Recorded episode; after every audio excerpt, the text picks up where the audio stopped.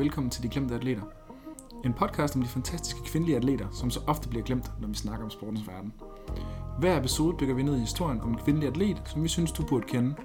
Deres bedrifter, deres forhindringer og de forunderlige veje, som deres liv så ofte tager. Mit navn er Jesper, Og jeg er Trine. og vi er dine værter.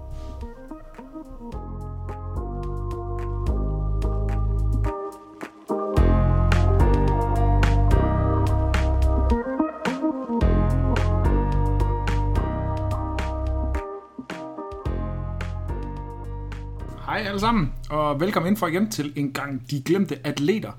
Vi har i denne omgang besluttet os for, at vi, øh, som altid starter med vores nye men vi har tænkt os at rebrande den en lille smule, så vi ikke tænker på så meget nyheder, fordi at vi kommer jo kun hver tredje uge, så derfor er det svært for os at være aktuelle aktuelle, for der er så mange ting, vi gerne vil snakke om. Der er ikke så meget breaking news på den her podcast. Præcis, men det vi så i stedet for vil gøre, det er, at vi vil måske tage nogle emner op, som vi synes er interessante, og så lige diskutere dem omkring, hvad tænker vi egentlig om det. Ja, aktuelle historier fra sportens verden. Det er måske egentlig også det, vi har lavet hele tiden, hvis vi skal være ærlige. Ja, det har måske ikke været så meget breaking news, men mere i en, en diskussion omkring, hvad der egentlig foregår ude i verden, Og hvad vi synes. og hvad vi egentlig tænker om det. Så det vil vi så fortsætte med, og nu vil vi så prøve også at navngive det på den rigtige måde. Ja. Nå, Hvilken aktuel historie har du med i dag? Jamen, jeg har faktisk taget en, en lidt mere sådan for sjov aktuel historie med. Det er jo fordi, at jeg er kæmpe fan af fodbold. Jeg ser meget herrefodbold, øh, især den engelske liga, men der er vist der et hold her i verden, som jeg holder allermest med. Så er det det danske landshold. Ej, nationalfølelsen. Jeg elsker landsholdsfodbold. Og det har jeg og egentlig også en lille smule at gøre med, at jeg jo selv er gammel landsholdsspiller i amerikansk fodbold, så det her med at repræsentere sit land i den sport, som man dyrker, der findes ikke noget større. Det er sindssygt fedt. Nå, men så er der lige en ting, vi skal have på det rene. Fordi at, hold kæft, hvor er den præsentationsvideo af den danske EM-trup godt nok dårlig. Ja, den er lige udkommet i den her uge. Den er lige udkommet for ikke så længe siden, og det er 26 spillere, der bliver udtaget. Den tager næsten 4 minutter, og det er bare en lang række klip med, hvor der står der, hvor deres navne står i alle mulige random situationer. Øh, jeg synes, det, jeg, forstår ikke helt rigtigt, hvorfor er det, man skal have det præsenteret sådan. Altså, det virker sådan helt åndssvagt og sådan selvhøjtidligt. Jesper, der er en eller anden sådan, øh, praktikant, tror jeg, sådan en kommunikationspraktikant eller et eller andet, der har pitchet det her, og bare tænkt, det var en fantastisk idé for at skabe noget hype op til EM til sommer. Og, ja, og der er jo så mange måder, man kan skabe hype på. Men hvorfor er det, jeg skal se Yusuf Poulsen tatoveret på ryggen af Lars Jakobsen, eller Rasmus Sebak blive klippet i en Thomas Delaney-trøje? Det er jo fuldstændig... Altså, det er jo åndssvagt. Det er lidt mærkeligt. Jeg sad, du viste mig den lige til den, inden vi gik i gang her. Jeg sad og så grinede, fordi det, der var ikke så meget sådan konsekvens, at nogen fik bare sådan et klistermærke på et busstopsted, og, og, og nogen var bare sådan en trøje, eller deres navn blev tegnet i sandet. Men altså sådan, der, der var ikke så meget sådan... Øh, ja, Nej, og det er sådan, sådan, så, så får man lige, og så Mathias Sanka lige et klistermærke op, og så ser- får man lige, men, åh, oh, nå ja, det er sådan, Mathias Sanka ser ud. Og så vores, øh, vores landsholdskaptajn, der hedder Simon Kjær, han får lige bare sådan en, en mili- militær øh, kaptajn. kaptajn, hvor der står sådan, kaptajn, kaptajn Kær. Og man sådan lidt, jamen det er da fint nok, men hvis man nu for eksempel, altså jeg er jo en, jeg, jeg går op i fodbold. Altså, du sad og måtte sige ting til mig, mens vi sad og så den, fordi jeg var sådan, hvem er det? Eller sådan, det er lidt internt. Hvis Og- man ikke ved, Simon Kær står der ikke fuldt, der står bare kaptajn Kær, så er sådan, hvem fanden er det? Ja, lige præcis. Og hvis man ikke følger med i fodbold, så er den her video fuldstændig ligegyldig. Fordi du får bare et navn kastet i hovedet, uden noget som helst at relatere det til. Ja. Så derfor så synes jeg, det, det er sådan virkelig, virkelig mærkeligt, at det, at det på den måde det er blevet gjort. Øhm, Det, og, DBU for, forsøger bare febrilt. ja, og det er jo ikke fordi, jeg ikke godt forstår, at man gerne vil gøre noget fedt ud af det. Fordi det er EM, og det er fedt, og det er en ære at blive udtaget. Og det er på hjemmebane. Og det er på hjemmebane, det kommer til at være kampe i parken, og det er simpelthen, det er jo kæmpe, kæmpe stort. Og jeg er jo ikke, altså, som du også godt ved, og som vi lige har hørt, jeg er jo ikke... Jeg synes, du, du faktisk er ret frustreret over det. Jeg kan sådan mærke frustration i din Ja. tone over den her video. Og det værste er, fordi at jeg har ikke, jeg har ikke noget imod, at ting er tacky. Altså, jeg elsker en god, sådan rigtig, eller en dårlig popsang, sådan maskereret som en, sådan en EM-hymne, for eksempel Danmarks Drenge, eller Ja, ja. Recepten, eller, eller, jeg synes, det er så fedt, fordi man kan sådan, på, man- alle kan synge med, og man er bare, så, så er det ligesom det, man samles om men- under EM, og så kan man, når man hører den sidenhen, tænke tilbage på EM, at man sad og drak øl i solen, og ting og sager. Jeg synes, det er så fint, men fedt det på noget federe en dum video, man bare lige får nogle navnekast i hovedet, hvor, hvor, Mikkel, hvor Strygers navn bliver skrevet i, skrevet i, hvad hedder det, i kridt på en bane. Altså, Det, det fortæller der ingenting om ham. Altså, den eneste, jeg kunne genkende inden, det var Christian Eriksen, fordi det her, brandingen for mig er så stærk, at han er fra Middelfart. Så lige så snart de viste øh, byskiltet og så Brunsviger, så, Og var så jeg sådan, så var jeg sådan, det er Christian Eriksen. Men jeg tænker, der er mange mennesker, der ikke vil forstå den. Jamen, ja, det, og Den det, virkede meget intern. og det, og det, jeg synes bare, det er så lidt fjollet. Og så, ja, så jeg har, ikke, jeg har ikke mange gode ting at sige om den, men ja, den har én redeeming quality, Hvad er det? og det er, at Melvin er med. Og Nå, det er bare, ja. fordi jeg elsker Melvin. Vi kan godt lide Melvin. Melvin, han er så nice. Så Som vi har gået i gymnasiet med. Ja, han har gået en, en, han har, du gået på overgang med ham. Jeg og gået i overgang med ham. Og jeg har gået, han gik en overgang over mig. Ja, vi bliver altid glade, hver gang vi ser Elvin. Så, Ja. så er vi sådan, you go. Ja, han er så sød og dejlig mand. Så derfor, så når han er med, så er vi sådan, okay, der er, lige, der er lige 20 sekunder, som var god, og så resten er dårlig. Ja. Men der kommer en, øh, hvad hedder det, EM-sang inden længe. Og den glæder jeg mig til, fordi at, hvis der er noget, jeg elsker, så er det en tacky popsang, hvor man råber omkring det danske landshold. Og den Ja. hedder noget så fedt som Danmarks Dynamite. Ja, og det er med alfabet. Det er alfabet. Ja, ja, men jeg tænker, det er godt. Og jeg tænker, når I lytter til den her podcast, så er den ude. Det tror jeg helt sikkert. Den ude, skal udkomme på fredag, så når I lytter til den her, så er den ude. Ja, jeg glæder mig så meget. Spændende. Vil du høre, hvad har du med? Ja, Og det er jo, at jeg har på fornemmelsen, jeg har, for nu har jeg jo fulgt med i sporten nu, jeg har på fornemmelsen, at den er knap så, knap så lidt øh, jovial og sjov, som, som, øh, som den nyhed, jeg har. Altså, jeg tror, jeg matcher din frustrerede tone, men, men, men det blev ikke over en øh, video, det blev over noget lidt større. Okay, lad mig høre. Det handler om, at øh, Naomi Osaka, tennisspilleren, Nå ja. øh, sidste uge op til French Open, som startede søndags, annoncerede, at øh, hun vil lave et, øh, eller medieboykot lyder så voldsomt, men hun skrev på sin sociale medier fire dage før, at øh, hun ikke vil deltage i de her pressemøder, der efter hver kamp. Og det, der er i tennis, som øh, også nogle andre sport, det er, at de her pressemøder, de er obligatoriske. Altså Ja. sådan, det er en del af den kontrakt, du underskriver på at deltage ved de her turneringer. Sådan er det i mange sportsgrene. Ja, præcis. Og at du, øh, hvad skal man sige, du får en bøde, hvis du ikke deltager. Men hun skrev, at det var på grund af hendes mentale sundhed. Det handlede ikke om journalisterne, eller sådan egentlig om French Open specifikt, men sådan helve, selve strukturen om, at man, hvad skal man sige, systematisk skal stille op til de her pressemøder. Øhm, ja, altså sådan, og hun synes også, at det er forkert, at man får bøder, altså sådan, at det er sådan et enten eller meget sort-hvidt, Ja. var det hun skrev. Så hun havde ikke tænkt sig at deltage, og var egentlig klar på at bøder for det. Ja. Så skete der det, at French Open startede i den her uge. Naomi Osaka spillede sin første rundekamp og vandt den. Og hun dukkede, som hun havde sagt, ikke op til pressemødet. Og hele det her blev ikke taget særlig godt imod i medierne eller i tennisverdenen. Der var sådan ret meget sådan en attitude af, at nu gjorde hun et problem ud af sig selv, eller at hun var utaknemmelig. Nogle sagde, at de mente, at hun trivialiserede mental sundhed ved at sige, at bare fordi du ikke har lyst til at pressen, eller snakke med pressen, så hiver du det kort frem.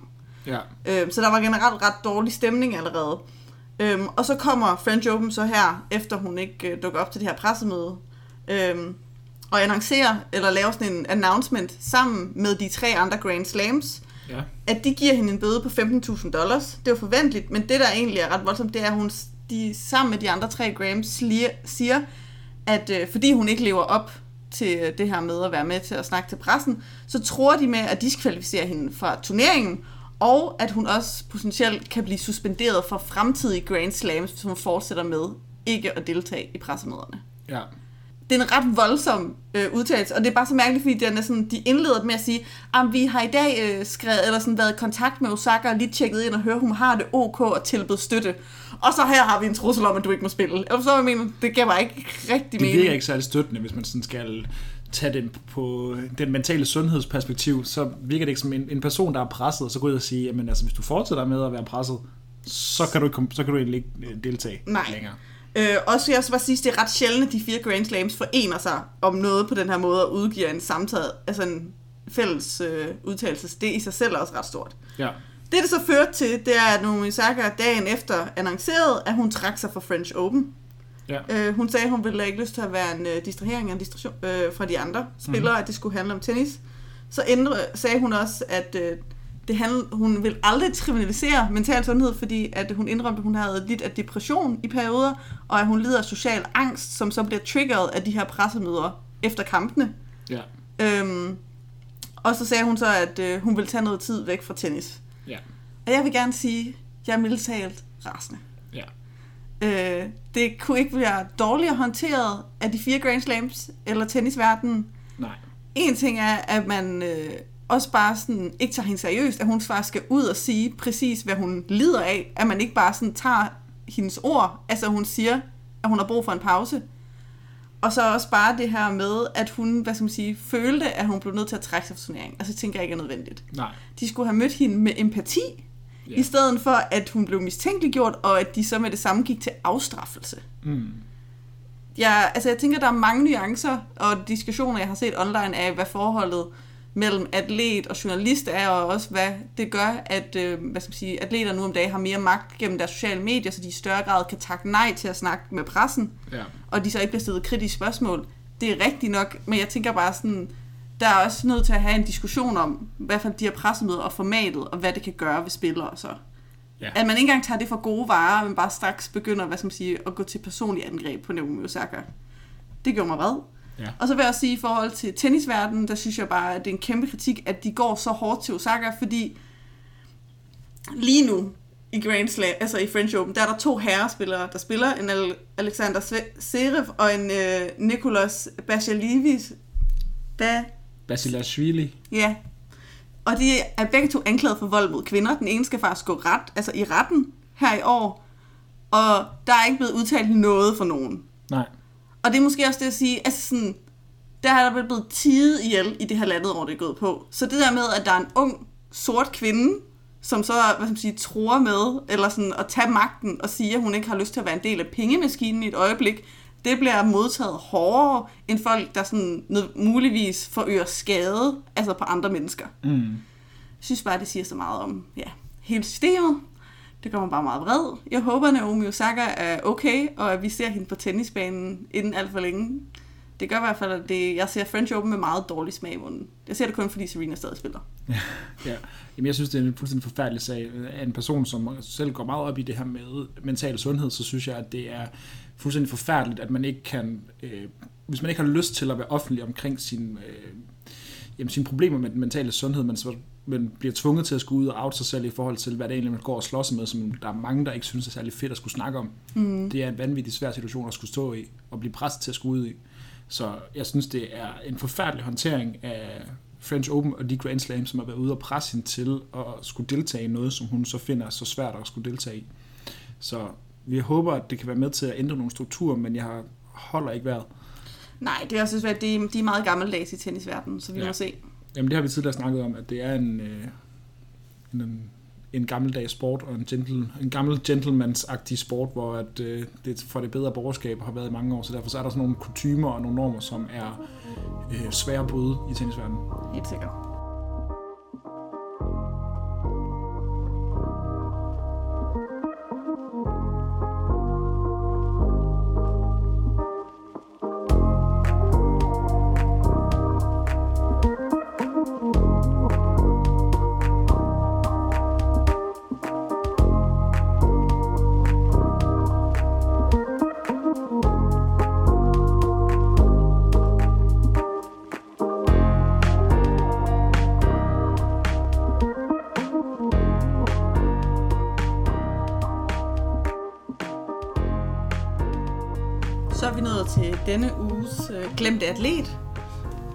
Vi skal endnu en gang tale om et øh, multitalent. Dem elsker vi jo her i podcasten. Det kan vi godt lide. Nogen, der er gode til alt muligt. Ja. Og øh, dagens øh, atlet, det er franske Marie Ma- Mavang. Ja. Øhm, hun er en af de mest dekorerede kvinder i øh, fransk historie. Ja. Øh, hun var atlet, sygeplejerske, pilot, journalist, men er især øh, kendt for sine udmærkelser i sådan utallige sportsgrene. Okay. Øh, og her nævner jeg lige nogle. Det lyder som verdenskvinde.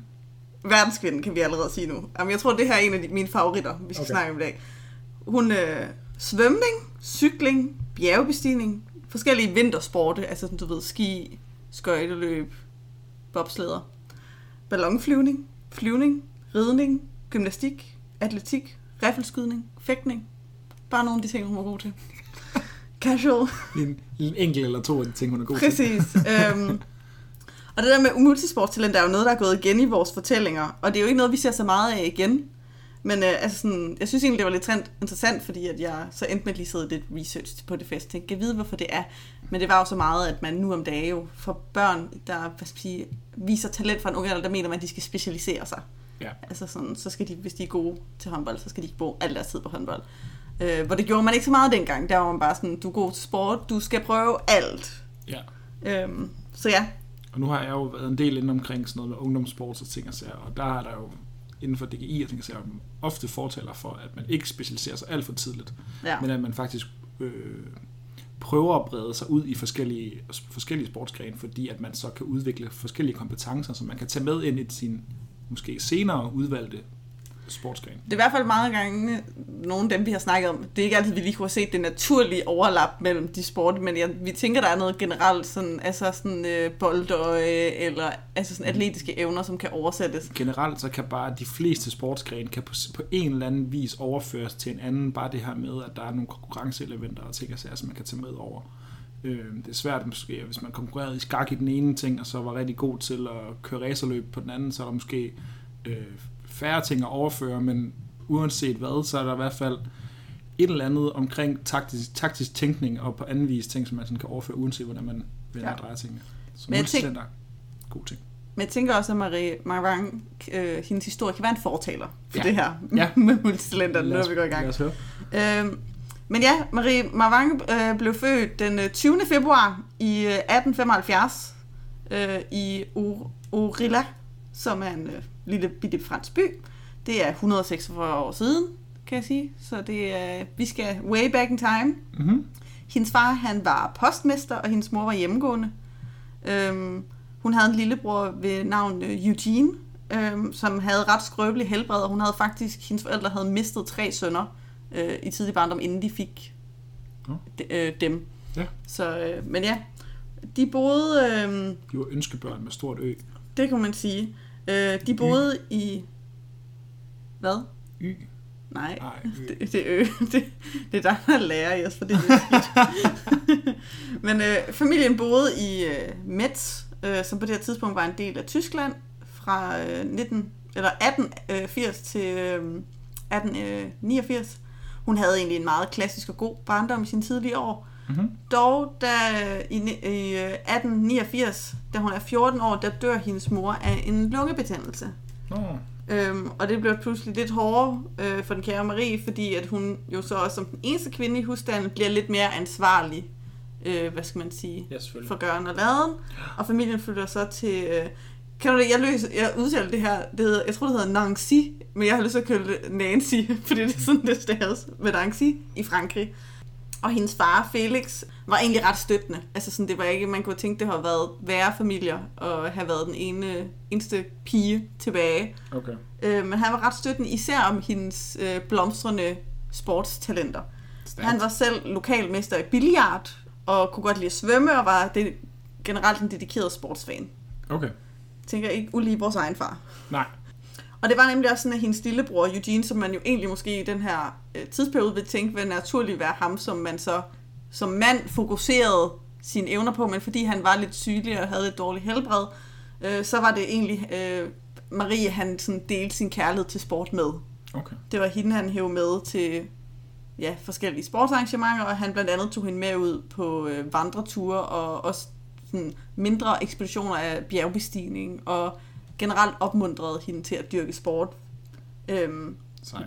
hvilket igen var meget atypisk for tidspunktet, øh, for det var ikke, øh, altså man så det ikke som passende for Nej. kvinder at gøre mange af de her ting, som hun gjorde. Men hvis man bliver... Hvis, man, hvis der er nogen, der tror på en, og man faktisk bliver taget med og ting og sager, så Så kan meget lade sig gøre. præcis. Øh, og han udfordrede hende også altid. Han havde det med at sige, det kan du gøre bedre, hver gang hun gjorde noget. Okay. Så det er sådan, den her konkurrenceånd kommer et sted fra. Ja. Nu skal vi lidt ud i nogle af de her vilde historier, som er omkring hendes atletiske evner i barndommen. Der er den første af det, som jeg har set fra flere kilder dukke op, også i den biografi, jeg har siddet og bladet i. Jeg ved ikke helt, om jeg tror på det. Fordi de siger, at, øh, at mens hun, fordi det er faktisk også fra før hendes far døde, men altså sådan, at de siger, at da hun begyndte at lære at gå, begyndte hun også at svømme samtidig. Så de siger, at i en alder af fire år kunne hun svømme 4 kilometer. Og der er jeg bare sådan, der er voksne mennesker, der ikke kan svømme 4 kilometer. Det lyder usandsynligt, men altså... Men, ja. men lad os, når vi hører resten af historien, så tænker jeg, at hun har gjort så mange vanvittige ting, så man kan også begynde sådan at tænke, okay, ja, 4 km som 4-årig, ja, det lyder, lyder rigtig meget. Ja. Altså, det er ikke, det er ikke usandsynligt, at, at yngre børn kan svømme, fordi det kan man nærmest Ja, ja, for den dag, man kommer ud af... Men altså, jeg kan jo ikke engang svømme som sådan en kilometer som voksen menneske. Det er jo absurd hårdt at svømme så langt. Ja, ja. Jamen, for, jamen, for Gud. Så, Ja. Det er det.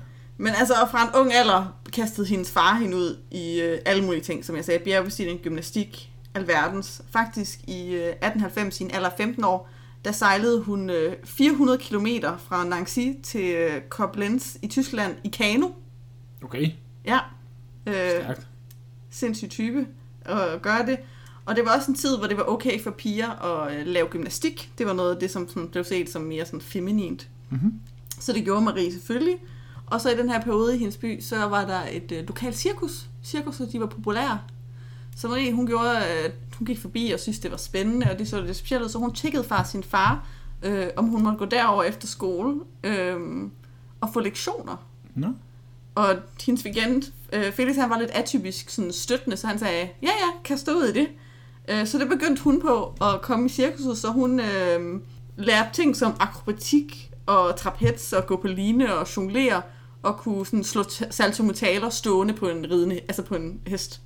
En løbende hest. Altså sådan nogle ting casual i sin teenageår. så, så, så det, det kunne hun bare. Ja, ja, så var hun sådan øh, Stærkt. cirkuskunstner i sin fritid. Ja. Og det var også sådan, at øh, hun i sit sådan, øh, i byen der i Nancy blev øh, kendt som, de kaldte hende Vågehalsen Marie. Ja. Fordi hun gjorde så mange ting, som unge piger ikke normalt gjorde. Nej. Jeg føler, det er også en rød tråd i vores historie her. Unge piger, der gør noget, øh, det der ikke er socialt acceptabelt, de får, de får øgenavne i Ja. deres barndom. Jamen, vi har hørt værre end, Ja, ja. end Vågehalsen Marie. vågehalsen Marie. Ja, ja, men sådan tilnavne. Ja, ja, der er lige et tilnavn, der hører til. Ja. Desværre. Og det var også her i teenageårene, hendes far han også begyndte at, tje- at sådan, træne hende lidt mere seriøst. Øhm, fordi han var faktisk også gået pension nu her. Okay, Øhm, så han har mere tid. ja, han havde mere tid, øh, og der var især fokus på hendes fægtning, og at de begyndte at samle også en riffel op. Altså hun begyndte at lære sådan skar, være skarpskytte, eller sådan... Øh. Ja. Skød hun efter mål, skød hun lærduer. Lærduer kom senere faktisk. Dengang Okay. kørte man efter mål, men hun begyndte også senere i sin, øh, hvad skal man sige, karriere, eller hvad man skal også skyde øh, lærduer. Men det kom Okay. først til senere. Okay, Jamen, det er spoilers. Det er Ja, ja. Det er okay. Det er færre spørgsmål. Der kommer ikke til at være, altså sådan, med mange af de her multitalenter, der er det svært at have sådan en helt kronologisk tidslinje, fordi mange af de her ting overlapper så meget. Og endnu Ja. mere med hende her, så det, det kommer sådan lidt... Øh... Er du ligesom Aura Washington, som vi Ja, ligesom lige præcis. Altså sådan, det, kan, det kan jeg ikke lave. Det vil tage mig en øh, uge at organisere, hvis jeg skulle lave en tidslinje over det. Okay.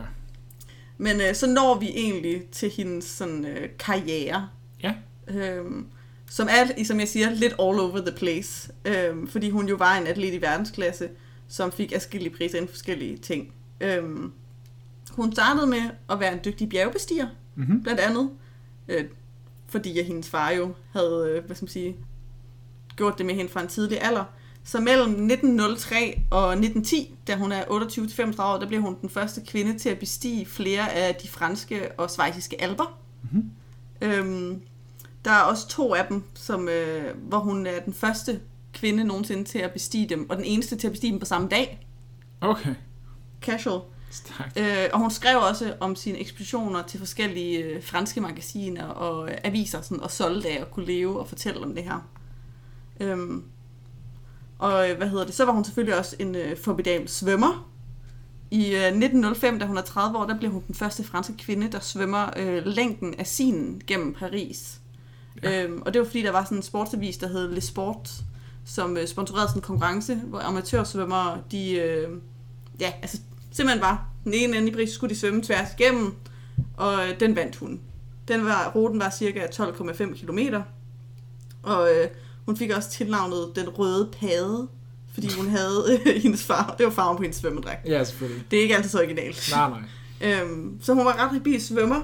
Øh, året, øh, året efter, i 1906, der vinder hun også øh, et løb, et svømmeløb i den engelske kanal, hvor hun slår både mænd og kvinder. Det siges den her gang, der, altså, der var svømning og konkurrence udendørs. Der var ikke så meget, at man svømmede øh, indenfor sådan i svømmepøler. Nej. Det var mere bare sådan en, her er en kanal, eller et hav, eller et eller andet, svøm derud og tilbage, eller svøm fra den ene ende til den anden ende. Så det var også bare sådan, hvis du, altså, hvis du druknede, så druknede du jo. Ja, ja, der var ikke lige... Altså, sådan, der var ikke så meget sikkerhed. Nej, nej. Der var ikke Hvis du blev træt, så var du sådan lidt... Ja, altså det var i hvert fald lidt løsen med livredder. De stod ikke på sådan hver... Øh... Nej, der var nogen måske, men ikke mange. Nej. Øhm, Men ja, øh, og i 1907, der vandt hun for eksempel også et 16 km øh, løb eller race i Paris, hvor hun satte det på en tid på 4 timer og 8 minutter, øh, hvor hun også øh, hvad skal man sige, satte rekorden for øh, det her race, som øh, den havde tidligere været på 5 timer og 10 minutter, så hun slog jo den med over en time. Ja. Øhm, og der sagde man også, der er en artikel, hvor de siger, at øh, Mavang tænker ikke særligt over en 12-14 km svømmetur. Sådan. Det er sådan en walk in a park. Det er bare en, det er bare en tirsdag. Ja, det er det. øhm, og så igen, her i 1907, der øh, blev hun inviteret til The International Shooting Competition, som er, som det lyder, en international øh, skydekonkurrence, men det er en militær skydekonkurrence. Hvor hun blev simpelthen inviteret som del af det franske militær. Okay. Og det er sådan, Var at hun, hun... var hun på andre parametre med del af det franske militær, eller du bare... Ikke på det her tidspunkt var hun ikke. Okay, jeg, jeg, Øh, jeg spoiler. du spoiler, ja. jeg lader være med at stille flere opklarende spørgsmål. Nej, det er okay. Men på det her tidspunkt var hun ikke. Hun var mere bare sådan almen kendt. Øhm, Okay. Og øh, hun blev så inviteret Ja, og vinder den her konkurrence. Hun øh, vinder, øh, de skyder på hvad skal man sige, 300 meters afstand. Det var sådan en standarddisciplin for at skyde. Ja, det er ret langt. det er ret langt. Der vinder hun det. Hun siger, hun blev interviewet efter kong, eller sådan skydekonkurrencen, og siger så også, at hun ikke havde øvet sig særligt, siden hun var teenager. Okay, så hun, hun stiller bare lige op. Og bare Så er lige, det bare køligt op på invitation og vandt. Ja, 300 Øhm. meter, det er tre fodboldbaner. Det, det er langt. Det er rigtig langt. Jeg ved, ja. Jeg ved heller ikke, hvor store målene var. Altså, sådan, det ved jeg jo ikke noget om. Nej, om, hvor godt var sigtekornet? Men hun vandt jo ud af alle folk, som var... Altså, Alle de andre, der der var soldater, som jo egentlig gør det sådan for a living. Alle de andre, der var der, de gjorde det dårligere end hende. Ja, Så, og, al- og var alle mænd. Var det Øh, det? Ja, ja, Stærkt. det skal jeg sige. Det var, øh, hvad hedder det, hun var den eneste kvinde. let's go, Marie. Ja. Øhm, og hun blev så også, øh, på det her tidspunkt, blev hun designeret første klasse skytte, som var en titel af det franske krigsministerie, Ja, på grund af det her. Øhm, og hun fik også en medalje af den franske krigsminister. sådan. Så de var generelt bare sådan, hvad skal man sige, vist hende frem. Ja, Øhm. Og øh, altså, Marie hun var bare typen, der sådan dukkede op til de her ting sådan meget... Øh, hun lå sig ikke skræmme med noget. Der, var det, der er også et citat fra en artikel om hende, der siger, at hun var typen, der var ligeglad med, om øh, ting var blevet gjort kun af mænd, eller at der aldrig var en kvinde, der havde gjort det før. Hvis hun havde lyst til at gøre noget, så gjorde hun det. Mm. Det var bare tankegangen. Ja. Øhm, noget andet, hun også var rigtig god til, det var jo de forskellige former for vintersport. Mm. Øhm, så når det blev koldt, og hun ikke længere kunne øh, cykle, eller svømme, eller skyde, eller sådan, så øh, hæv hun hendes ski eller skøjter frem, øh, og så rejste hun så som sagt ofte til Schweiz, øh, eller Frankrig, men omkring alberne. Øhm, og på det her tidspunkt, der var der ikke noget officielt vinter-OL. Det kom ikke før 1924, Nej, og kvinderne måtte først deltage i 1928. okay. Men det man, mange af de her sådan, skisteder, hvor folk jo sådan gjorde det her, de holdt deres egen mesterskaber. Så det stillede hun jo selvfølgelig op i. Selvfølgelig. Og Marie, hun dominerede vintersportsæsonen fra 1908 til 1910. Okay. Øh, I faktisk tre forskellige ski sådan resortområder. Øhm, Kunne du bare sådan en rundfart mellem? ja, ja, altså sådan, så var hun bare sådan, jeg tager dem alle sammen. Så jeg, når jeg har vundet det ene sted, så tager jeg det andet sted hen. Sådan. Og her var hun mellem 33 og 35 år. Så hun Ja. var jo heller ikke, altså sådan, No spring chicken. Nej, men altså det, jeg tror igen, vi har opdaget, at vores måde at tænke alder og sport på, det er sådan moderne tider. Mange af de her dele, ligesom Ora Washington, de øh, begyndte nærmest først rigtig i slut 20'erne, 30'erne. Jamen, det er rigtigt. Det er, I dag der er du nærmest... øh, Der er du færdig. der er du færdig som 30-årig. Ja. I mange sportsgrene. Ja, utroligt nok. Men øh, her i vintersport, der dominerer hun jo som sagt de her konkurrencer. Hun vinder førstepladsen ved flere end 20 events over de her tre år. Og det er altså sådan noget ski, skøjter, bobslæde, forskellige ting. Lidt af hvert. Ja. Øh, og den 26. januar i 1910, der vinder hun også øh, Leon Osher Cup, som er sådan verdensmesterskabet i bobslæde for kvinder. Og jeg synes, det er absurd sjovt, fordi hun siger, hun bliver interviewet om hvor hun siger, at bobslæde ikke er en rigtig sport. Mens hun har vundet med guldmedalje om halsen. Ej, det var ikke der, men, sådan, men, men, men sådan omkring samme periode, at hun blev interviewet omkring det, og siger, at bobslæde ikke er en rigtig sport, men hun, men hun stiller op og vinder et eller. Det synes jeg var absurd sjovt. Det er den største fuckfinger til dem alle sammen. Det, Ja. det bare sådan, og så slå dem i den sport, de dyrker. Og så siger, det ikke er og så sport. siger jeg, men det, prøver, det er ikke en rigtig sport. Og så siger hun så også, at bobslæde var unødvendigt farligt. Ja. Fordi på det her tidspunkt, der kunne de her bobslæder, de kunne køre op til 100 km i timen, og der var ikke rigtig nogen altså sådan sikkerhedsforanstaltninger, og bremserne var dårlige, så hvis du kørte galt på det tidspunkt, så døde du. Ja. Altså, så var det sådan done with. Så hun var også bare sådan, det er ikke rigtig sport, man kan dø, altså sådan, whatever. Det gider jeg ikke. Who would even do this? Mig. Men mig. ja. lidt, lidt vanvittigt type, men det gjorde hun altså. Øhm, så ja, generelt elskede hun bare øh, vintersport og forskellige ting. Ja. Hun var også den første kvinde, der har nået toppen af, af flere sådan svejsiske bjerge på ski. Ja. Simpelthen, der er noget, der hedder The Bouet og Borm, hvor hun øh, har nået toppen af dem. Ja. Og jeg er jo ikke engang færdig. Altså nu har vi bare øh, snakket om øh, svømning og skydning og vintersport. Nu når vi også til, at øh, Marie, hun var jo også en solid cykelrytter. Ja, selvfølgelig var hun det der. Selvfølgelig var hun det. Øhm, hun kørte... Du skal ikke komme og sige til mig, at der ikke er nogen comparable skills mellem bobslæde og cykling. Nej, præcis. det, det kan oversættes fuldstændig. Øhm, hun kørte forskellige mindre løb øhm, i sine 20'ere. Hun Ja. kørte, som hun så også vandt. Og det var fra Nancy til Milano. Mhm. Mm-hmm. 550 km.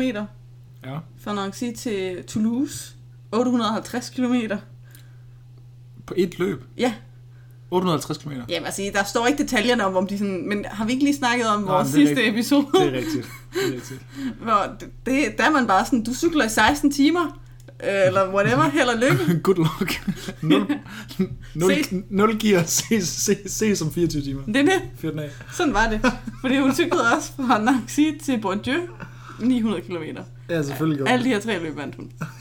Hvor, altså, Jeg forstår ikke, hvorfor hun gider. nej. Og, og en ting var også, at sådan, her der har hun mindst gjort det for en konkurrence, men hun kunne også bare godt lide at cykle. Der er for dem også stå om, hun cyklede fra Nancy til Nap- øh, Napoli. Napoli. Ja, øh, for at se udbrud af en vulkan. Og det er altså en rejse på over 1300 km. Ja. Det er jo bare, så, som, Så det er man, sådan- som man jo gør. Så det er sådan, hvis jeg skal have en tur, en tur til et andet land, hvad er den naturlige måde at rejse på? Cykel. Ja, selvfølgelig. Det er ikke bil, det er ikke tog. Nej, nej. Cykel. Cykel. Øh, ja. Og den her tid, det var jo også, som jeg sagde, at øh, vi snakkede om i sidste episode, det er, altså, det var ikke passende på det tidspunkt for kvinder at cykle. Det var djævelens værk. Det var noget... De var... Øh, man satte øh, spørgsmålstegn ved deres øh, moralske kompas, hvis de kunne finde på at sætte sig op på en cykel. Ja. Så der var faktisk også den her historie om, at hun i den her periode havde en onkel, der boede i en øh, naboby, hvor hun så ville cykle over og besøge ham, og så nægtede han at komme ud af sit hus.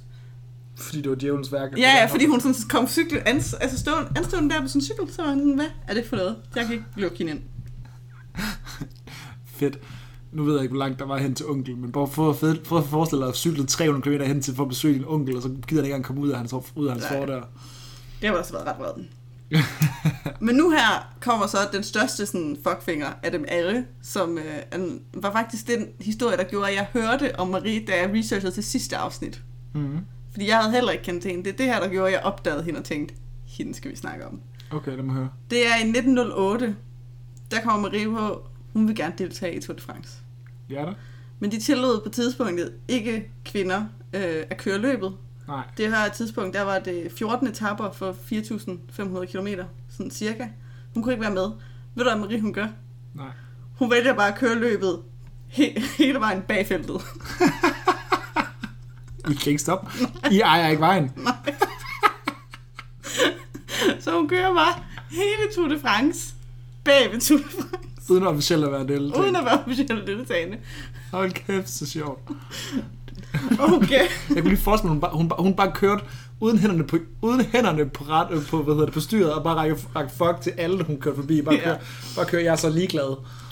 Kæmpe sjovt. Hun gennemfører hele turen. Ja, selvfølgelig gør hun det. En bedrift, som kun 36 ud af de 114 mandlige rytter det Ham. år havde gjort. Kæmpe champ. Marie Mavang, jeg, kan jeg få en trøje med hende? Det er det.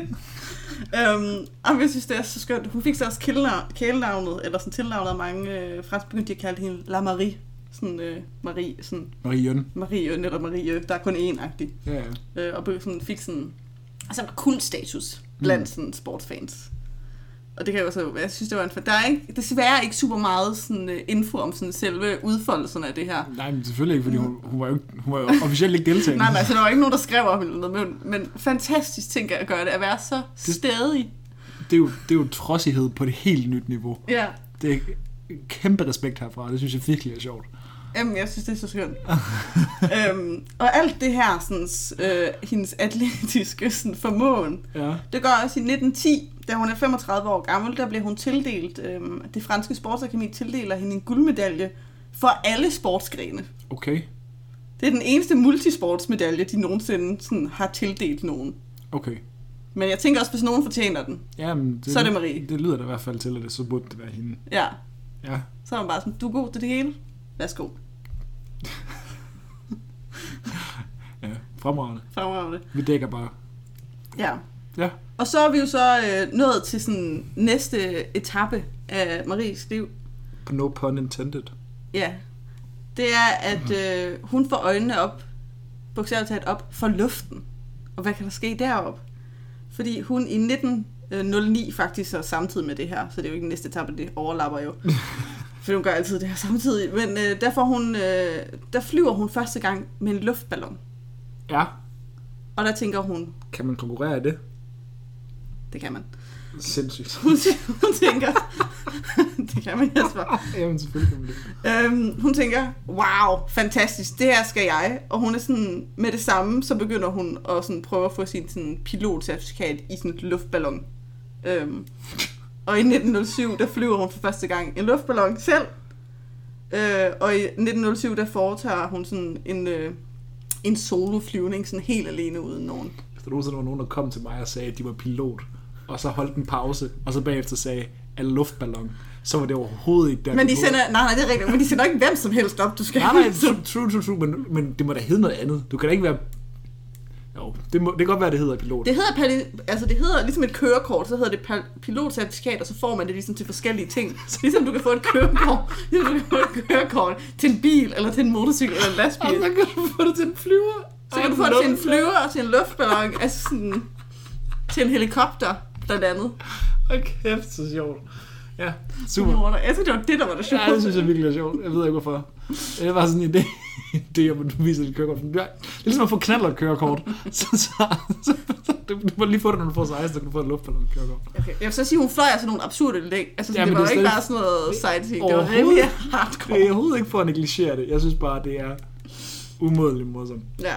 Nå, videre. Fordi i 1909, der bliver Marguerite den første kvinde til at flyve en ballon over Nordsøen fra Europa til England. Ja. Hun vinder priser for ballonflyvning i, øh, fra øh, 1909 til 1911. Ja. Øhm, I forskellige konkurrencer, hvor man så skulle flyve distancer. Eller hvor det også ofte nogle gange var på sådan, hvem kan flyve længst. Mm. Og hun, øh, efter en af de her konkurrencer, der er ligesom dejligt, der er hendes far ikke sådan altid super imponeret. Han var sådan, han, der er et citat, hvor han efter en konkurrence har sagt til hende, det var ikke dårligt, Marie, men du kunne godt have fløjet lidt længere. Iskoldt. øhm, og det er også sådan i øh, 1914, der deltager hun sådan i øh, det 10. Grand Prix i The French Air Club, hvor hun så også bliver den første kvinde til at krydse den engelsk, engelske kanal i en ballon. Ja. Så altså, selvom hun er skiftet til en ny disciplin, så er hun stadigvæk øh, en pioner. Det må man sige. Så er det vi jo så, nu grinte du af ballonen. Ja. Men i 1909, der oplever Marie Marvang sin første flyvetur som passager i et fly. Ja. Det var jo heller ikke så almindeligt. Og er også mindblown, og er sådan, det her skal jeg. Ja. Så i løbet af 1910, der begynder hun lige så at komme i lære til sådan sit pilotcertifikat. Mm. Og der begynder hun også at flyve fly med en, der hedder Hubert Latam, som var en fransk pilot og sådan pioner inden for sådan luftfartøjer. Ja. Så det var sådan også en big deal, at hun sådan var i lære ved ham. Ja. Øhm, Sejt. ja, og hun øh, fi- lærte så, hvad skal man sige, at flyve, øh, og også at flyve solo, og fik sit licens i et noget, der hedder et Antoinette-fly, hvilket var et notorisk svært fly at flyve. Så hun var også den første kvinde, der sådan fik sin sådan pilot, altså certifikat eller licens i sådan et fly. Okay. Amazing. Øhm, og hun fik så sit øh, pilotcertifikat fra, øh, hvad skal man sige, The Aero Club of France den 8. november i 1910. Og hun Ja. var kun den tredje franske kvinde, der var sådan registreret pilot. Til at kunne flyve. Ja, et fly i hvert fald. Et fly, ja. Amazing. Det må man sige. Og noget der også var, at du var, ikke bare at hun ligesom fik det her, så var hun altså også virkelig god pilot. Fordi øh, noget der var på det her tidspunkt, det var at, øh, hvad skal jeg sige, det var ret, der ikke normalt, men altså sådan, man styrtede ofte, eller det var også svært at lande fly på de her tidspunkter. Altså sådan, det var, og at de var også ret skrøbelige, så man havde det også, hvis man landede et fly, og det, sådan, så knækkede de ofte, eller der gik noget galt. Det var ret skrøbeligt. Men øh, Marie, hun havde det, at de kaldte, at hun havde 900 flyveture, hvor uden at, de kaldte det breaking wood, fordi at de ligesom var lavet af træ meget af det her. Det vil sige, at hun landede flyet 900 gange uden at knække noget. Ja. Hvilket var sådan stort set uhørt på det her tidspunkt, at man kunne det. ja. Fantastisk. Hun bliver også på det her tidspunkt, eller senere i sit liv, nu nævner jeg det bare lige, for vi snakker om flyvning, fordi hun får øh, et certifikat et, øh, i helikopter senere i sit liv. Okay. Øh, så hun er på et tidspunkt det her den eneste kvinde, der har fire pilotcertifikater samtidig. Ja. I ballon, i fly, i vandfly og i helikopter. Stærkt. Jeg tænker, hvor, hvor ofte er der nogen, der har fire i dag? Er det noget, vi, vi kan gisne os om? Hvor mange, hvor mange har et balloncertifikat den dag i dag? Det ved jeg ikke. Altså, men tror du ikke, tror du ikke det er sådan noget, at, hvis du er vild med altså sådan flyer, så er du bare vild med alt, der flyver? Altså, jeg kan godt forestille mig, at det ikke er sådan unormalt, at man så bare sådan, jeg går amok, giv mig det hele. Jeg ved det ikke. Det skal jeg ikke give sådan om. Nej, jeg tænker bare... Jeg tror ikke, der er sindssygt mange, der flyver balloner. Ja, det, det er sjældent, man ser luftballoner i dag. Ja, men det, dengang var det jo en ting, Ja, det er det, jeg på tænker. en anden måde. Um, Ja, det ved jeg så selvfølgelig ikke noget om. men jeg har, Vi gisner. jeg, jeg har jo lige siddet og researchet, så jeg ved ligesom, det var lidt mere en større ting dengang med luftballoner, end det er nu. Ja. Um, og den øh, Det er også 17... fordi alle, alle, alle øh, rekorderne er ligesom også blevet slået. Man kan ikke, altså der er jo ikke nogen, du får jo ikke noget, hvis du tager en luftballon fra hen over den engelske kanal. Ja, ja, der det, er- nej, nej. Det bliver ikke skrevet i nogen historiebøger. Nej, for det gjorde det for hende. Hun, de var jo pionerer, alt var nyt. Det var også det, jeg sagde, at Ja, bare fly var jo ikke sådan almene. Men det er det, jeg mener. Altså, Det der med. Det er derfor, det var derfor, det var federe med luftballon, fordi du, du blev ligesom skrevet rekordbøger, hvis du var pioner på det tidspunkt. Nu er du ikke pioner længere. Nej, nu er du bare sådan, "Ugh, luftballon. Nej, ja, jeg har fuld respekt til hende. Det der, altså, jeg, jeg, jeg, tør ikke. Jeg er pisse bange for højder. Alle er imponerende, så længe det foregår mere end 5 meter over jorden. Ja. Men den øh, 27. november i 1910, der sætter hun også øh, verdens første luftfartsrekorder for kvinder. Øh, hvad skal man sige? I et fly, for der blev ikke taget rekorder før det. Nej. Hun øh, sætter rekord i tid i luften og distance fløjet. Mm-hmm. Øh, indtil det tidspunkt var kvindernes sådan, hvad skal man sige, aktiviteter ikke blevet registreret. Nej. Og Marie insisterede på, at den her flyvning skulle sådan officielt times, måles og sådan verifikeres. Og det var en ret stor ting. Og det var også en del af ligesom at fastslå et behov for at inkludere kvinder sådan i rekordbøgerne. Og så var det også fordi, noget af det her hang også sammen med, at hun konkurrerede i noget, der hed Femina Cup. Og det er kvindebladet Femina. Dem igen. Ja, altså jeg må indrømme, jeg er ikke sikker på det danske Femina. Jeg ved ikke, om det er sådan internationalt, om det er forbundet med det danske Femina, men det her det er et fransk Femina. Okay. Så jeg ved, ikke, om, jeg ved ikke, om det er sådan en Vogue, du ved, hvor det er sådan, man har en dansk, eller om det altså... Det Vi, er jo, vi ved det, ikke nok om damebladet til at Nej, det kan vi ikke sige. Det kan jeg ikke give sådan om. Øh, men Femina har også spillet en rolle i vores første afsnit. Ja, så hvis man ikke, hvis man ikke forstår min undren, så er det fordi vores første afsnit, der handler om det danske kvindelandshold fra 1971, så kan man gå tilbage og høre det afsnit, fordi der er Femina også en stor del indblandet I kvindesport. i kvindesport. Ja. Så damebladet og øh, kvindesport hænger sammen på mange måder. På nogen måde. Men øh, hvad skal man sige, kvindebladet og damebladet Femina, øh, de, øh, hvad skal man sige, sponsorerede den her kop, øh, som så skulle tildeles en fransk, altså en fransk kvinde, øh, som så skulle have licens af sådan, hvad skal man sige, den franske sådan Aero Club, øh, som i slutningen af 1910, som man havde indtil slutningen af året, har fløjet den, distans, den længste distance sådan, i direkte flyvning. Så du måtte ikke sådan ned og lande eller holde pauser. Så gav de ligesom en præmie til dem. Okay. Og den konkurrence var Marie jo selvfølgelig med i. Hun var sådan, det skal jeg, og derfor er det vigtigt, at alt jeg flyver, der skal I ligesom have med. Og der her præsterede hun ligesom at sætte en rekord for distancefløjet. Øhm, og Marie lavede også kort tid efter en anden flyvning, hvor hun forbedrede sin egen rekord. Men trods det, så var der en uh, Helene Dutre, der den 21. december 1910, så virkelig kort inden årets slutning, der desværre fløj endnu længere. Og hun for, altså sådan, og Marie prøvede sådan en Hail Mary den 30. december, og øh, hvad skal man sige, nå at simpelthen flyve øh, distancen, men der var en mekanisk fejl, som så tvang hende til at lande. Øh, så træls. at, øh, Helene Dutreux, hun vandt øh, Femina Cupen i øh, distancefløjet. Øvbøv. Ja, øv, øv. Men altså sådan, den her Femina Club, øh, den, øh, hvad skal man sige, den indledte ligesom rekord, at man sådan, hvad skal man sige, begyndte at nedskrive rekorder af, For kvinder. for kvinder i luften, i hvert fald i Frankrig. Hmm. Og den introducerede også meget konceptet om kvinder, der fløj til Frankrig Og også faktisk lidt til verden, fordi der kom mediedækning, at der blev ret meget hype om alle de her franske kvinder, der var i gang med det her. Og det var ikke normalt. Det var, folk vidste ikke nødvendigvis, at der var kvinder, der fløj. Nej, Så der var noget hype omkring det. Noget mediedækning. det Men- snakker vi altid om. Det Mediedækning. Mediedækning, ja. Og øh, det her med, at hun fløj også, øh, så meget, øh, det inspirerede faktisk også en amerikansk øh, serie af kortfilm Uh. øh, fra 1914, der er kaldet The Perils of Pauline. Øh, det var sådan, så det er ikke rigtig en tv-serie, men det var fordi biograferne, så det man gjorde, det var, at man ligesom filmede en masse små kortfilm, og så øh, skulle øh, folk jo, ville, de jo komme tilbage, fordi så viste du ikke hele filmen. Du viste måske 20 minutter af en film, ligesom et afsnit, og så var der ligesom en cliffhanger, og så ville publikum jo tilbage, fordi de skulle vide, hvad der skete med Pauline. Mm. Og den her serie, den handlede om en ung selvstændig kvinde, der takker nej til et frieri, og så bruger hun øh, et år på at tage på eventyr, blandt andet at flyve i luftballon. Og så laver hun også nogle vildere ting, som sådan noget, tage en ubåd og sådan noget. Men den er sådan løst baseret på Marie. Stærkt. Sådan. Øhm. Men ja, altså sådan, hun er ligesom begyndt sådan at blive lidt en øh, celeb i den her tid. Øhm, der er dog også det, at øh, på grund af, at hun var så succesrig inden for sport, så er der faktisk også en øh, antifeministisk bog fra 1914, øh, hvor der bliver skrevet sådan specifikt om hende, og om hvor dårligt et eksempel hun er for unge kvinder. Fordi ikke nok med, at hun sådan deltager i sport for underholdning, eller bare for sundhed, men så har, viser hun også sådan den usædvanlige karakteristik, at hun konkurrerer inderligt, og hun forsøger at vinde. Og det er ikke passende for en kvinde. Nej, for puha. Det kan vi ikke have. Dårligt eksempel. Kvinder, der forsøger at vinde.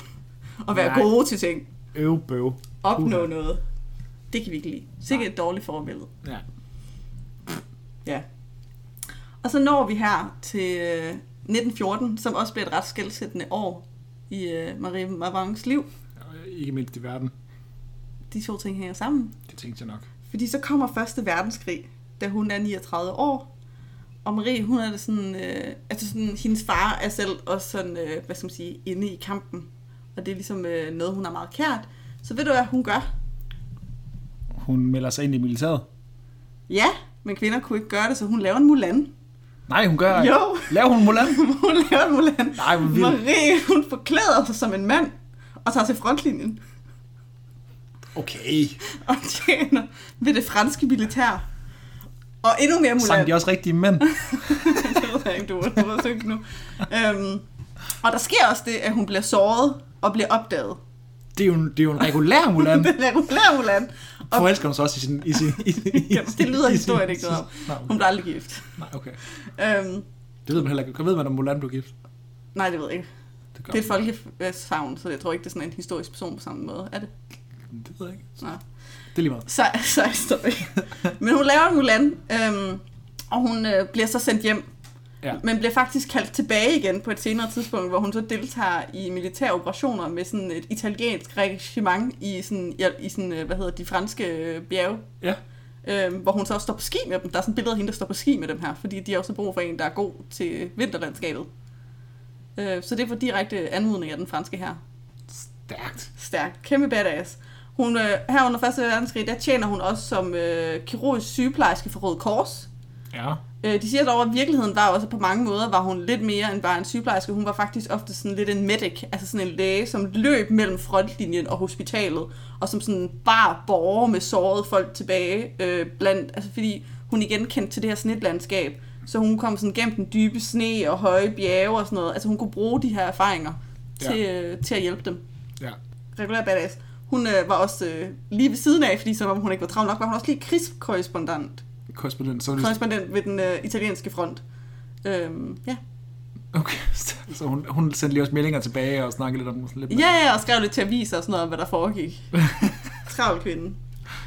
Og så er det, at hun i 1915, Marie var bange for press. ja, det, i 1915, der, øh, hvad hedder det, under krigen, der mangler Frankrig så desperat uddannede piloter. Ja. Fordi at de begynder ligesom at bombe, men de mangler nogen til at flyve de her bombefly. Mm-hmm.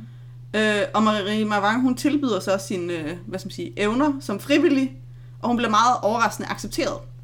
Øh, men de siger altså, at det her det skyldes jo nok, at hun sådan i, hvad skal man sige, luftverdens, luftkredsende, jeg ved ikke, hvad man skal kalde det, flyvekredsende, øh, ligesom var en kendt pilot, øh, som havde betydelig anerkendelse og dokumenteret erfaring. Øh, så det overvejede måske fortidens fordomme og sådan ideen om, at man, kvinder ikke skulle være i kamperolle. For det var meget det, altså hvis kvinder skulle være i krig, skulle de være sygeplejersker, Ja. som hun jo var. Øh, men hun tilbød sig, og de blev godkendt. Så i 1915, der blev hun den første kvinde i verden til at flyve kampmissioner. Øh, som frivillig pilot for det, franske det var lige militær. præcis det, jeg håbede på. Sådan, de, der, de der klassiske luftkampe, som, jo fuldt, som man jo har hørt meget om Første Verdenskrig, med den røde baron og alle de der ting. Altså jeg ved ikke, om det hun, hun bombede meget. Jeg kan jo ikke sige, at hun ikke også skød på nogen, men det var hovedsageligt også sådan bombe. Så det var ikke luftkampe, det var mere det- bombe, bombemissioner. Det var mere bombemissioner. Okay, Ja. det er knap så sejt. Det Men kan- det er okay. Det er okay. Jeg er, jeg er ikke skuffet. en lille smule. Hallo? Hun er den første kvinde. Okay. Ja, ja. Øhm, ja, altså sådan, så hun fløj missioner over tysk territorium, og hun øh, modtog, hun var også den første, eller hun var ikke den første, hun modtog sådan et øh, militærkorset for sin, øh, hvad skal man sige, indsats. Ja. Øhm, og hun var så, jeg skal lige sige, hun er så langt forud for sin tid, ikke? Mm-hmm. At det var altså først i 1999, at Frankrig fik sin anden kvindelige kamppilot. Altså hun er lige et, lige en, et lille århundrede før nærmest. Ja. Kan vi lige snakke om, hvor vanvittigt det er? Hun er sådan, nu, nu synes jeg også, det kan være noget mærkeligt girl poses, fordi nogle gange kan jeg også selv have den der med equal rights, vi har kvinder til også at begå øh, mor, mor og bombe folk. Sådan, det, det er lidt mærkeligt tone at have, men altså... Helst skal ingen gå i krig, vil jeg gerne sige, er mit officielle standpunkt. ja. Øhm, men mellem de her to verdenskrige, fordi så slutter Første Verdenskrig, der arbejder hun som journalist og krigskorrespondent og medicinsk officer øh, i Nordafrika, Ja. i øh, Marokko, øh, hvor hun blandt andet også meget griner, laver en skiskole i ørkenen, hvor Ja. hun så lærer sådan, øh, de lokale folk stå på ski, bare sådan ned ad sådan sandbakker. Sandbakkerne, ja. Stærkt. Ja, ja, det lader hun ikke stoppe så. Det er det, der ikke er sne. Nej, nej, præcis. Whatever. Øhm, og så i øh, 2. verdenskrig, der genoptager hun arbejdet som sygeplejerske i Røde Kors med rang af korporal. Øhm, og hun grundlagde også ved ligeholdelsen et hjem for sårede piloter. Og hun var selvfølgelig også en del af modstandsbevægelsen i Frankrig, Ja, selvfølgelig. hvor hun så efterfølgende fik en medalje for sin indsats Selvfølgelig. Som badass. som badass. Og nu har jeg en anden ting her, som også overlapper med noget af det, som hun så også faktisk er krediteret med. Det er, at Marie Mavang øh, ses som moderen af luftambulancen. Det ved jeg ikke, hvad er. Jamen, det er fly, der har, hvad skal man sige... Okay, så det er meget ordret. Det, Ja, ja, det er fly, der har medicinsk personale, som så lander, hvad skal man sige, i krigsområder og behandler folk, eller kan flyve folk tilbage til hospitaler. ja. Det lyder ikke sådan pisse sikkert. Nej, men altså sådan, er krig det? Nej, nej, nej, nej. Jeg Nogle gange så tager man, hvad man hvad får. man kan få. Ja, ja, det, altså, jeg skal ikke gøre mig klog på Fordi Marie Mavang allerede i 1910, da hun er 35, begynder ligesom at tænke tankerne omkring et fly, som kunne bruges som luftambulance, og deler dem med den franske regering, og er sådan, ja. hey, burde I ikke have det her? Så før Første Verdenskrig. Mm-hmm. Og hun begynder faktisk også med hjælp fra en øh, fransk virksomhed og en ingeniør derfor at tegne sådan, den første prototype til den, til den første sådan, praktiske luftambulance. Og hun holder også en række sådan, populære sådan, konferencer om emnet, hvor hun snakker om det, hvor hun så samler penge ind til at øh, købe et fly til den franske militær og Røde Kors, som hun så siger, at det her laver vi om til en luftambulance. Og hun begynder ligesom at bestiller egentlig også at få øh, renoveret det her, den her virksomhed, som de går konkurs, inden Ja. de får gjort noget i 1912. Så den når desværre ikke at være øh, klar til, eller de vidste jo ikke, at krigen kom, men der var ikke nogen, øh, I know what you mean. ja. Og så, øh, men hun blev ligesom forelsket ideen om det her, så hun viger resten af sit liv til sådan begrebet, eller ideen om, altså de kalder det men sådan, Ja. men sådan ideen om, øh, hvad skal man sige, medicinsk evakuering og øh, Luftlangsen. ja, luftambulancer. Øhm, og hun holdt øh, hvad skal man sige, mere end 3.000 konferencer og seminarer om emnet på fire forskellige kontinenter. I Første Verdenskrig, på trods af, at der ikke øh, var sådan en, øh, en organiseret hvad skal man sige, indsats omkring luftbalancer, så fløj hun alligevel og var med til at hjælpe øh, og hvad skal man sige, overtalte dem til ideen om, at de skulle hente sårede folk ud. Ja. Så der var mere end øh, 7.000 øh, soldater, der var fløjet til sikkerhed, sådan, takket hendes vision eller sådan idé. Er det stadig noget, man bruger den dag i dag, eller er det man lidt droppet det der med, nu er der, Der var ikke som, det, det, vi gør, vi bruger droner og sådan noget. Det er det. Så det er jo, altså, Det det er jo ikke en der, del... der var lidt fodsoldater. Ja, det er jo altså. mere, sidst det var en del, var jo lidt 2. verdenskrig, for det var der, man ligesom havde frontlinjer, hvor man jo med mennesker kæmpede mod hinanden på den Ja. måde, hvor der var folk fra frontlinjen, der skulle hentes tilbage. Ja. Hvor nu, der, mm, altså de eksisterer stadig, altså Mhm. det eksisterer stadig, Men, men det bruges jo bare den måde, vi har konflikter på i verden på. Altså, Er ikke på samme måde, som det har været. nej, nu. så det er ikke lige så relevant. Nej. Ja, Øhm, understand. Ja, det kunne jeg nok faktisk godt have sagt mig selv. Men godt spørgsmål. ja, ja, stiller jeg alligevel. Øhm, det var også igen en spoiler, men jeg elsker, at du spørger. øhm, men hun er også medstifter af en fransk organisation, øh, som øh, altså sådan, øh, laver sådan nogle kongresser om medicinsk luftfart. Det elsker jeg. I øh, 1929. Og hun etablerer også i 1934 i Marokko Afrikas første civile luftambulancetjeneste Ja, øh, og blev også tildelt Marokkos fredsmedalje på grund af det. Øhm, og så uddannet, udviklede hun et uddannelseskursus for flyvesygeplejersker, og blev i 1935 den første sådan, person i verden, der blev certificeret flyvesygeplejerske. ja selvfølgelig. Fordi, of course, fordi hvis jeg er sygeplejerske, jeg kan godt lide at flyve, vi kombinerer dem. øhm, og så instru- instruerede og optrådte hun også i to dokumentarfilm i 1934-1935 om sådan historien og udviklingen og brugen af luftambulancer. Så hvis der er noget, hun er passioneret omkring, så gør hun det ikke sådan halvvejs. Nej, det, hun er ikke en, der kun tager det noget af vejen. Præcis. Og det blev også, hvad skal man sige, meget relevant omkring 2. verdenskrig, for der begyndte de faktisk at bruge det sådan, altså, Ja, men det er jo også en af de, en af de, st- det er nok den største fodsoldatskrig, der nogensinde har været, og nok også nogensinde kommer til at være. Ja, mere end 500 sygeplejersker, øh, hvad skal man sige, med mindst 10 timers flyerfaring, sluttede sig sådan til et nyt korps af flyvende sygeplejersker, Ja. ja. øh, hvor nogle også var faldskærmsudspringere. Ja. Rimelig hardcore. Det var simpelthen øh, historien om hendes øh, meget øh, specielle liv. Hun, øh, Marie Morang, hun øh, dør den øh, 14. december øh, 1963 som øh, 88-årig. Hun øh, boede på et plejehjem i Frankrig der og levede egentlig altså sådan stille og roligt liv. Kæmpede stadigvæk, øh, eller sådan snakkede om luftambulancen. Øhm, kun to år tidligere havde hun cyklet fra Nancy til Paris, 350 km. Ja, selvfølgelig havde hun det.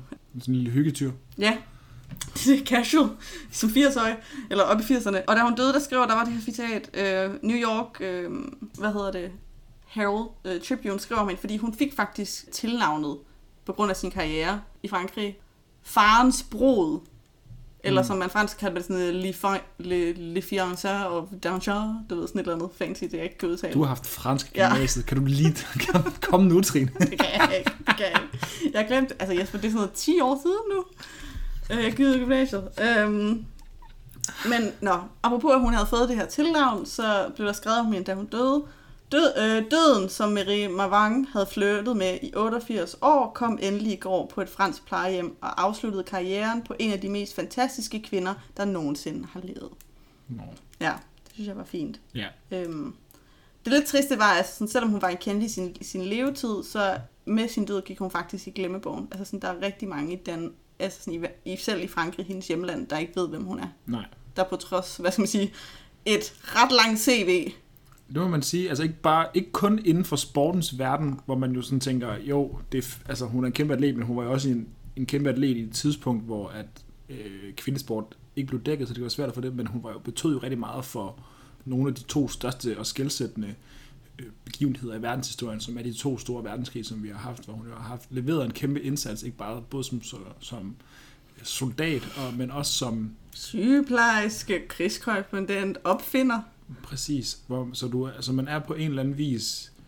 Øh, hun er et navn, der på en eller anden vis i det, i det, i det øh, 19. århundrede har været svært at undgå. Og så er det så ærgerligt, at man så kan gå i glemmebogen alligevel. Ja, for jeg havde aldrig hørt om hende, før at jeg ved vores sidste afsnit stødte på hende. Og Google, fordi at der var den historie om Tour de France, så tænkte jeg, nej, er det her en cykelrytter? Og der er så bare sådan, fordi selv med en Google-søgning, altså sådan, var der alligevel meget af det, hvor jeg bare var sådan, wow, okay, vild type. Ja. Øhm, ja, Hun var for sindssyg. ja. Og hun sagde så også som selv, som jeg synes var meget passende, øh, at det der, det, der gjorde hende speciel, var ikke hendes bedrifter i en specifik sport, men sådan helheden af hendes karriere og alle de sporte, hvor hun havde udmærket sig. Ja. Og det vil jeg give hende fuldstændig ret i, fordi at selvfølgelig er det, en, er det, en, er det sindssygt at være, være, være god til en enkelt af de ting, som hun har været god til. For eksempel at køre nogle af de der vanvittige Tour de France, som der blev kørt på det tidspunkt, og være en deltagende der, som jo så ikke officielt var, men altså at gennemføre 4.000 km på, på 14 etapper, det er jo en vanvittig bedrift. Ja, Og så gøre det uden at være officielt deltager, det er jo altså på grænsen til vanvid. vanvid.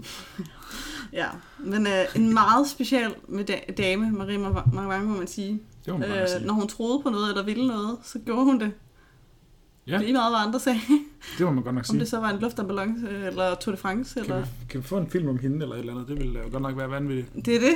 Og i Frankrig, selvom hun ikke er så kendt, så er der dog gader og sådan skoler og flyveklubber opkaldt efter hende. Ja. Og i 1987 blev hun udnævnt, eller sådan blev hun optaget i International Women's Sports Hall of Fame. Stærkt. Øh, og Frankrig udstedte også sådan et øh, luftpoststempel i hendes ære i 2004 med sådan en luftpost. Øh, ja, det var øh, historien om øh, Marie Marin. Jamen tak skal du have.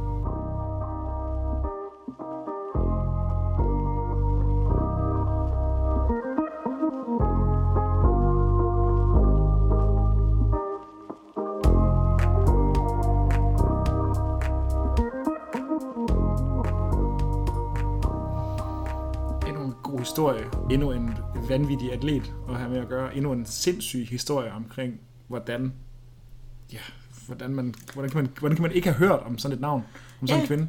Det må man sige. Der er ikke det, hun ikke har lavet. Nej, det må man godt nok sige. Det er godt nok vildt. Øhm, nu er det blevet tid til øh, denne, dette afsnits Serena. Vi skal øh, have en lille anbefaling for dig og mig. Noget, som vi kan råbe come on over. Og øh, Serena er jo allerede godt i gang i French Open, som vi jo allerede har revset en gang i den her podcast. Men jeg har ikke tænkt mig at tage dem, for jeg har nemlig valgt ikke at bryde det, som jeg plejer at gøre, hvilket er at tage en noget kultur eller noget med, som jeg nyder. Og det er en Netflix-serie igen igen. Og den hedder Castlevania. Og den har eksisteret i noget tid. Den er nogle år gammel. Øh, der er lige kommet en ny afsnit til den. Og jeg er lige startet på den. Det er en animeret voksenserie. Så det er jo sådan noget, den er sådan rimelig blodig og sådan, rammer nogle rimelig voksne temaer, så den er ikke sådan for det yngre publikum. Men den er produceret af Netflix, og det er ligesom sådan det er den der anime-stil, og jeg har jo ikke rigtig set noget anime før. Jeg har jo egentlig anbefalet noget en gang tidligere, og det var det første, jeg nogensinde har set i den her stil. Og det her det er så nummer to, så man kunne se, at jeg måske ved at få en smag for det. Øh, Jeg har aldrig tænkt over det før. Øhm, Men det er simpelthen fire sæsoner, og det er bygget på sådan nogle gamle konsolspil, som øh, det første spil, det udkom i 1986, til sådan en japansk spilkonsol, som så senere blev øh, portet videre til det der Nintendo Entertainment System, eller det som det var blevet kaldt for NES'en. Øh, men øh, serien og næsten alle spillene, de handler egentlig bare om, at øh, Dracula, han er ond. Vi lever i en lidt en anden verden, end vi lever her i dag. Her i, i, det er ikke sådan et land, som man sådan generelt kender. Øh, og så følger man egentlig bare sådan en vampyrjæger, som er en del af en vampyrjæger slægt. Og han har ligesom sådan til mål at fundet ud af, at hey, det der med Dracula, han er i live og gør nogle dumme ting. Det er en dårlig idé. Det er en dårlig idé. Så det skal vi gøre noget ved. Øh, og der er selvfølgelig meget mere til det end det, men jeg vil ikke give for meget væk, fordi at der er jo alle mulige ting og sager, at man ligesom Selv skal opdage. selv skal opdage. Jeg synes, den er godt skrevet, jeg synes, den er flot tegnet, jeg synes, den er en fed historie. Øhm, man skal jo selvfølgelig lige bare være med på, at den er animeret, og det, det der ligesom følger med, følger med, men jeg synes, den er, den er vildt fed, øhm, Mm. og har set den sådan løbende over de sidste par uger. Ja. Du kan også godt lide fantasy, så er det også lige right up your alley. Ja, lige præcis. Men jeg kan godt lide det der med, når man sådan bliver taget med til et andet univers, Mm. øh, og ligesom sat ind i en ny verden. Jeg synes, Game of Thrones var fedt indtil de sidste par sæsoner. Jeg synes, øh, øh, mange af de her ting, hvor man ligesom Ja. lærer nogle nye verdener, så skal sætte sig ind i, hvordan deres mytologi den fungerer. Det synes jeg, det synes jeg er spændende. Ja. Øhm, så derfor så synes jeg, at det har været en god oplevelse indtil videre. Jeg er lige blevet færdig med anden sæson, jeg skal til at starte på tredje. Så jeg har ikke set det hele nu, men Ja. indtil videre, så har jeg været... Øh, Så forhåbentlig ikke en Game of Thrones, for det hele slutter Nej, men så lad os håbe, at det ikke... Uh, let's not talk about it. Det være, du trækker det hele tilbage næste gang. Ja, det kan være, så kommer jeg lige, laver lige sådan en public service announcement og siger, "Ej, lad, bare stop her. uh, men indtil videre, så har jeg fald været rigtig glad for det. Jeg synes, det er, Det er synes, det er en god oplevelse. Hvad har du med til os? I min uge, Serena, jeg føler, jeg har snydt lidt, for jeg har faktisk taget et sportshistorie med, der er det, der har gjort mig Så glad. du har bare taget ekstra ting, vi lige skal diskutere med, bare for... Nej, men det er også mere, fordi det gjorde mig virkelig glad. Ja. Det var noget, jeg godt kom over. Det er uh, Lacia Clarendon, uh, som er en spiller i WNBA, som havde et, uh, gjort et lille comeback i den her spillerunde i den her uge, som bare gjorde mig så glad. Mm-hmm. Uh, Lacia Clarendon for det første er non-binær og uh, trans uh, veteran, um, så de bruger, hvad skal man sige, pronomerne uh, Mhm. de og han og hun. Uh, bare sådan, hvis den måde, jeg omtaler ham på, er lidt forvirrende for nogle af vores lyttere. Uh, men uh, han har spillet fra New York Liberty de seneste to år, som klarer sig rigtig godt i den her sæson af WNBA. Øhm, men øh, Clarendon blev så, hvad skal man sige, cuttet fra rosteren her for en uge siden. Ja. Øhm, det er også vil sige, fordi det er absurd svært at være på en roster i WNBA. Der er kun 12 spillere, og nogle gange færre. Ja. Øhm, Så, sige, der er 12 hold, ja, og der med maks 12 spillere per Ja. roster, så er det jo maks 144 spillere, der kan være i hele ligaen på én gang. Og man ser mange, hvad skal man sige, både rigtig gode unge talenter, men også mange veteraner, som faktisk bliver presset ud af ligaen, fordi at der simpelthen bare ikke, altså, der er ikke pladser til dem, selvom de stadigvæk er rigtig gode. Konkurrencen er for stor. Ja.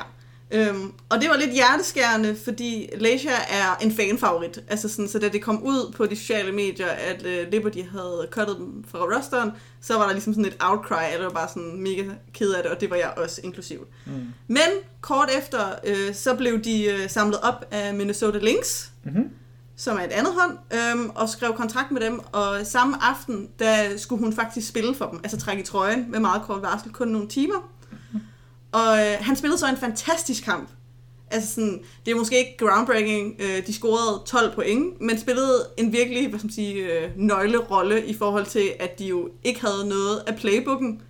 De kendte overhovedet ikke, hvad skal man sige, nogle af spillene, de trådte ligesom bare ind og brugte deres generelle basketballviden, og også bare sådan, at de har meget erfaring. Øh, Så de scorede 12 point, men også mere, at de scorede dem på de vigtigste tidspunkter. Mm. Det var faktisk sådan, at Leisha, hun scorede næsten en buzzer beater. Ja. Den endte med ikke at tælle, øhm, fordi hvad skal vi, sige, man skal have givet slip på bolden, når tiden løber ud. Og det, det havde han lige præcis ikke. Øh, men det, der var alligevel nogle vilde scener. Men det var i sig selv, så tænkte man, ej ærgerligt. Men så gik øh, de to hold links, og så Connecticut Sun, de mødte i overtid. Øhm, og der scorede hun faktisk øh, med omkring et minut på, øh, tilbage på klokken.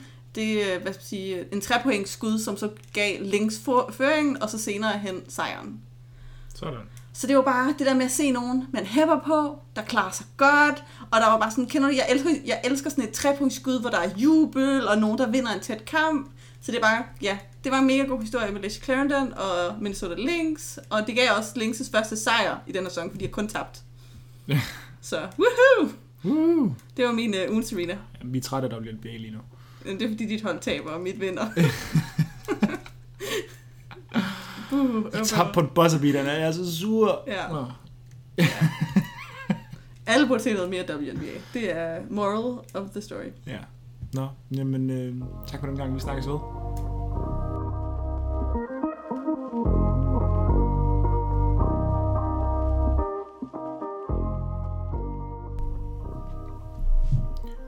Tak fordi I lyttede med.